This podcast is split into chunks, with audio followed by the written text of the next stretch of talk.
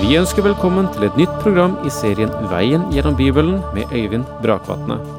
Denne studieserien er produsert av P7 Kristen Riksradio og bygger på serien Through the Bible av Vernon McGee. I dag fortsetter vi med profeten Mika.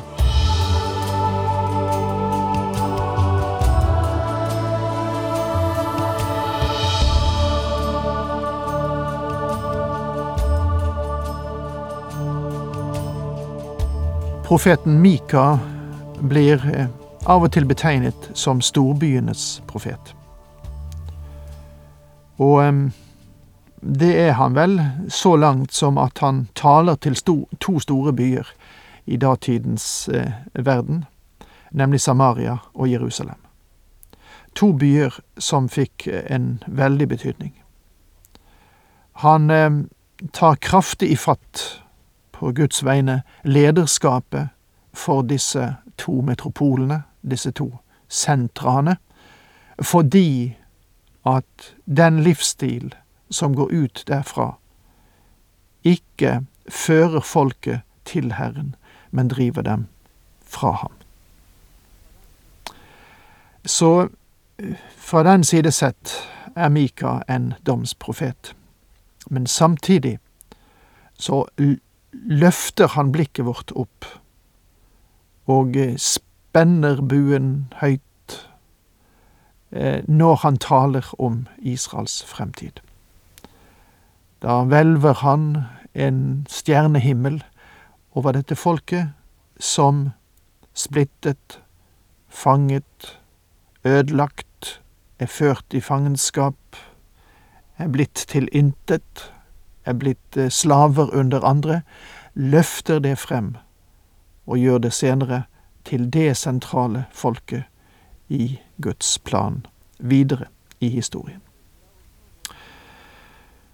Ok, la oss nå gå tilbake igjen til der vi befinner oss, nemlig Mika 5. Vi skal begynne i dag på fjerde verset, men tar med oss det tredje, der det står slik:" Han skal stå og gjete i Herrens kraft, med makt og myndighet fra Herren sin Gud. Nå skal de bo i trygghet, for Hans velde når til jordens ender. Og jeg sa sist at her møter vi eh, profilen av Jesus, Messias, som hyrden. Og eh, det er flere sider av dette hyrdebildet som du finner i Skriften, og som peker på denne mesteren. Han er den gode hyrde i Salme 22, som gir sitt liv. Han er den store hyrde som bevarer sine får i Salme 23, og han er overhyrden som vil komme i herlighet når du leser Salme 24. Disse tre salmene er sentrale når det gjelder forståelsen av Jesus som hyrde. Hele hans tjeneste fremstilles under hans oppdrag som hyrde.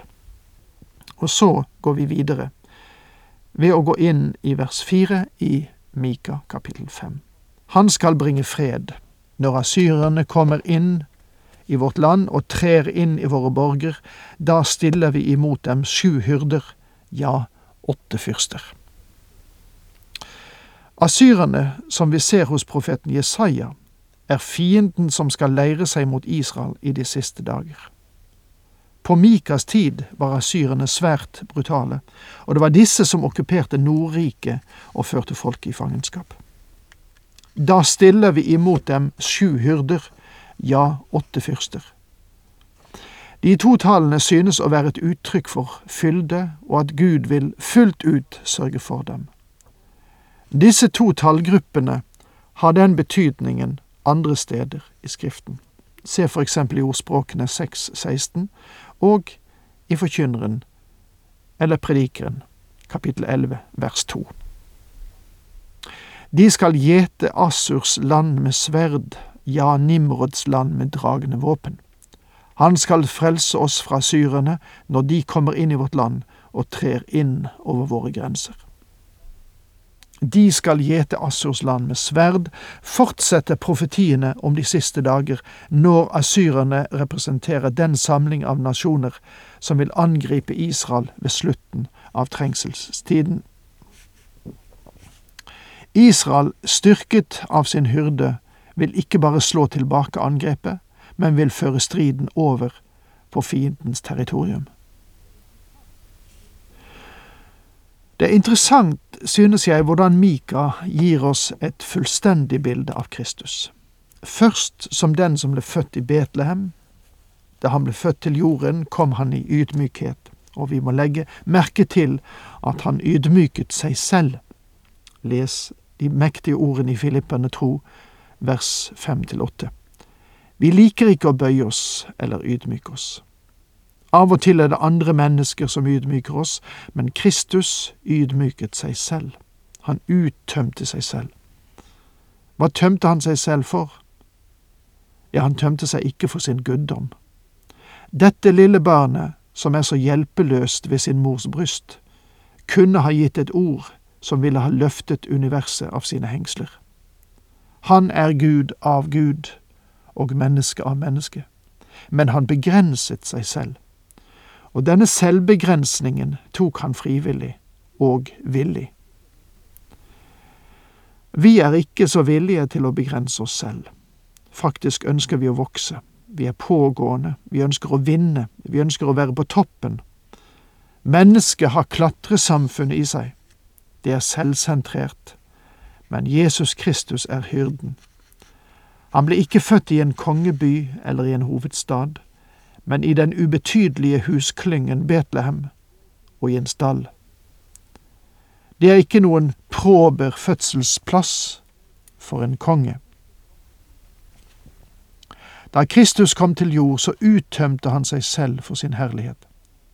For det andre antyder Mika at han var fra evighet av. Han har sitt opphav i gammel tid, fra eldgamle dager. For det tredje beskriver Mika ham som hyrden som kom for å dø for sin, sine sauer og våke over sine egne. Og til sist, når han kommer igjen, skal han være overhyrden, den som kommer i makt og herlighet for å fri sitt folk. Ja, hos Mika finnes et totalbilde av Kristus. Blant mange folk skal Jakobs rest være som dugg fra Herren, som en reinskur på gress. De venter ikke på noen mann og håper ikke på mennesker. Duggen og regnet henviser til velsignelse som Israels folk skal bære blant folkeslagene.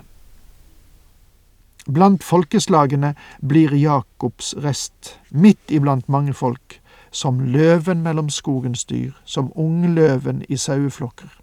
Den farer fram og tråkker ned, den river i hjel, og ingen berger. Dette beskriver da sannelig ikke Israels folk i vår tid. Israel har vært i klemme i årevis, men Gud lover at i fremtiden, når Israel blir lydig mot sin Herre og lever i fellesskap med ham, så vil han gjøre dem til hode for nasjonene og ikke til hale. La din hånd være løftet mot dine motstandere, må alle dine fiender ryddes ut. På den dagen vil Gud gi dem seier over deres fiender. Den dagen, lyder ordet fra Herren, vil jeg utrydde dine hester og gjøre ende på dine stridsvogner. Det vil si at Herren skal bryte all makt som reiser seg mot ham og hans folk. Den dagen hører fremdeles fremtiden til. Byene i landet legger jeg øde, alle dine festninger bryter jeg ned. Tanken her synes å være at Gud vil fjerne alt som Israel hittil har lenet seg på for å finne støtte, hester og vogner og befestede byer. De kommer ikke til å trenge dem lenger, for deres Messias vil bringe fred til jorden. Trolldomsmidlene vil jeg ta fra deg, og tegntydere skal du ikke lenger ha. Dine gudebilder rydder jeg ut, dine steinstøtter tar jeg bort. Du skal ikke lenger bøye deg og tilbe det du selv har laget. Falske religioner og avgudsdyrkelse skal bort. De vil bare tilbe den levende og sanne Gud. Asherapælene river jeg opp, og byene legger jeg øde. Her er det snakk om avgudsbilder og spesielle tilhogne statuer eller steinstøtter med en særlig form som kan peke hen på trolldom. I vrede og harme tar jeg hevn over folkeslag som ikke vil høre. Folkeslag her er de nasjoner som forfølger hans eget folk. Messias vil bringe velsignelse og fred til Israels rest og til resten i de enkelte nasjoner i verden som venner seg til ham, men han vil ta hevn over folkeslag som ikke vil høre. Og dette tror jeg også henviser til den store trengselsperiode. Og med det, mine venner, toner kapittel fem ut. Og vi er rede for kapittel seks. Og med kapittel seks begynner vi på Mikas tredje og avsluttende budskap til verdens nasjoner, og i særdeleshet til Israel.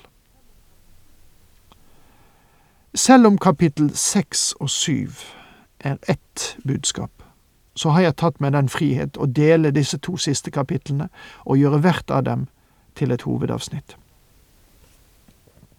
Hør hva Herren sier, reis deg, før din sak for fjellene, la haugene høre din røst. Denne delen begynner som de andre hoveddelene i denne boken har begynt. Hør hva Herren sier. Og dette er et kall ikke bare til Nordriket, men igjen tar jeg dette også som et kall til hele verden i det å høre. Og Gud vil nå bekrefte sin klage mot Israel. Gud har et stevnemøte med sitt folk Israel, og fra dette møtet kan vi lære en viktig lekse. Reis deg, før din sak for fjellene, la haugene høre din røst. Dette er uttrykk som vi finner flere ganger i profetenes skrifter. Det er faktisk et kall til naturen. Et kall til det skapte. Men jeg tror også at det er en tillempning her som vi ser andre steder i Skriften med. Et fjell representerer et stort rike, og en haug representerer et mindre rike. Og derfor vil jeg si at dette ikke bare henspiller på en appell til naturen, men også til verdens nasjoner.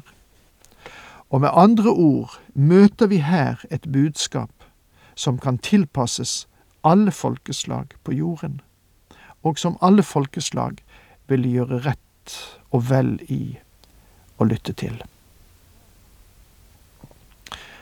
Og da faktisk har vi nærmet oss eh, slutten også denne gang.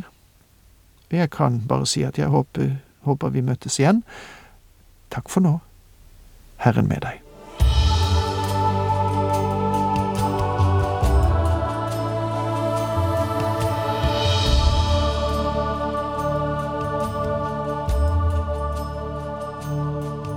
Du hørte Øyvind Brakvatne i studieserien Veien gjennom Bibelen. Serien bygger på et manus av Vern McGee. Har du spørsmål eller kommentarer til programmet, kan du sende en e-post til vgb krøllalfa p7.no. Takk for i dag, og på gjenhør.